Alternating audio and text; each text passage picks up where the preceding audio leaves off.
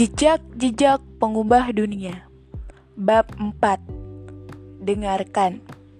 Kita memiliki dua pasang telinga dan satu mulut sehingga kita dapat mendengarkan dua kali lebih banyak daripada berbicara. Epictetus. Seperti Cungto, Siri pun mengalami mimpi buruk tentang apa yang ia saksikan. Dan seperti Cungto juga, ia dengan cepat menyadari bahwa anda tak dapat menolong dan menangis pada saat yang bersamaan, karena saat Anda menangis, Anda tak dapat mendengar. Kita selalu bisa mendapatkan saran dari mana pun, entah dari secari kertas, empat warna berhuruf timbul yang diterbitkan Bank Dunia, atau dari seorang pemabuk di bar.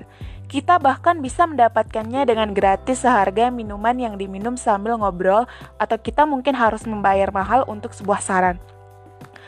Saran mengenai banyak hal memang tersedia, entah itu mengenai bagaimana mendapatkan kesepakatan harga mobil terbaik, siapa yang sebaiknya berkencan dengan kita, atau bahkan penemuan terakhir dalam proses pembesaran alveolar atau pengecilan payudara. Dan saran-saran semacam itu ditawarkan secara cuma-cuma oleh orang-orang yang bahkan tidak kita kenal sama sekali. Masih ada banyak saran mengenai privatisasi versus nasionalisasi pelaksanaan demokrasi, pasar global, epidemiologi, komisi perdamaian, dan sebagainya.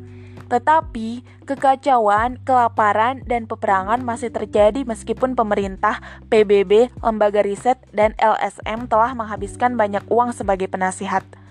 Mereka hanya tidak membelanjakan uangnya untuk menjadi pendengar. Mendengarkan bukanlah hal mudah. Saat kita benar-benar mendengarkan, apa yang kita dengar sering bertentangan dengan harapan. Tetapi, seperti yang ditulis John Steinbeck, tak ada orang yang menginginkan saran, yang dibutuhkan hanyalah pembenaran. Kenyataannya, banyak dari kita yang hanya ingin didengarkan. Seperti terapis mana pun yang akan mengatakan kepada Anda, kita semua tahu solusi dari berbagai masalah yang sedang kita hadapi, bahkan jika masalah itu mengejutkan kita sendiri. Semua ini hanyalah soal cara mendapatkan jawaban-jawaban itu, yaitu mendengarkan diri sendiri. Apa yang ditemukan orang-orang yang ditulis dalam buku ini adalah bahwa dengan mendengarkan masyarakat atau para individu yang bekerja sama dengan mereka, mereka sesungguhnya menemukan kebutuhan dan keinginan lain dibandingkan apa yang mereka ketahui sebelumnya. Apa yang dilakukan pemberontak dari Darfur sama benar dengan apa yang dilakukan seorang pria yang mengabdikan hidupnya untuk bekerja dengan anak-anak jalanan di Kamboja.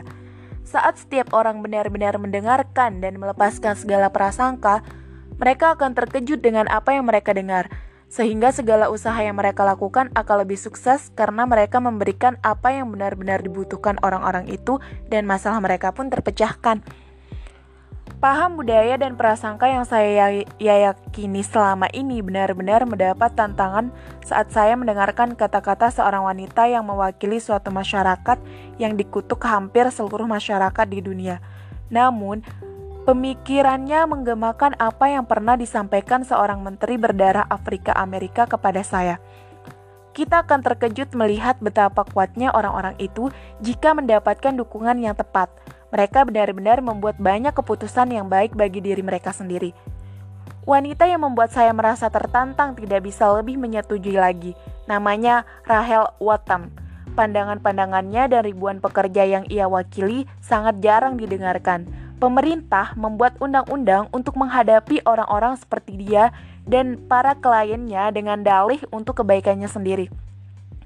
Banyak badan amal yang berusaha menyelamatkan orang-orang seperti dia dan mengakhiri cara hidup mereka, dan mengklaim bahwa sebagian besar dari mereka adalah korban.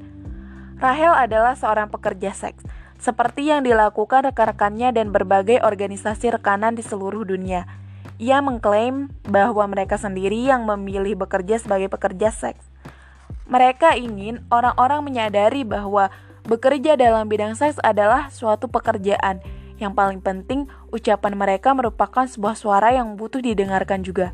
Karena jika tidak, hak-hak mereka berada dalam bahaya yang nyata, termasuk hak mereka untuk bertahan hidup.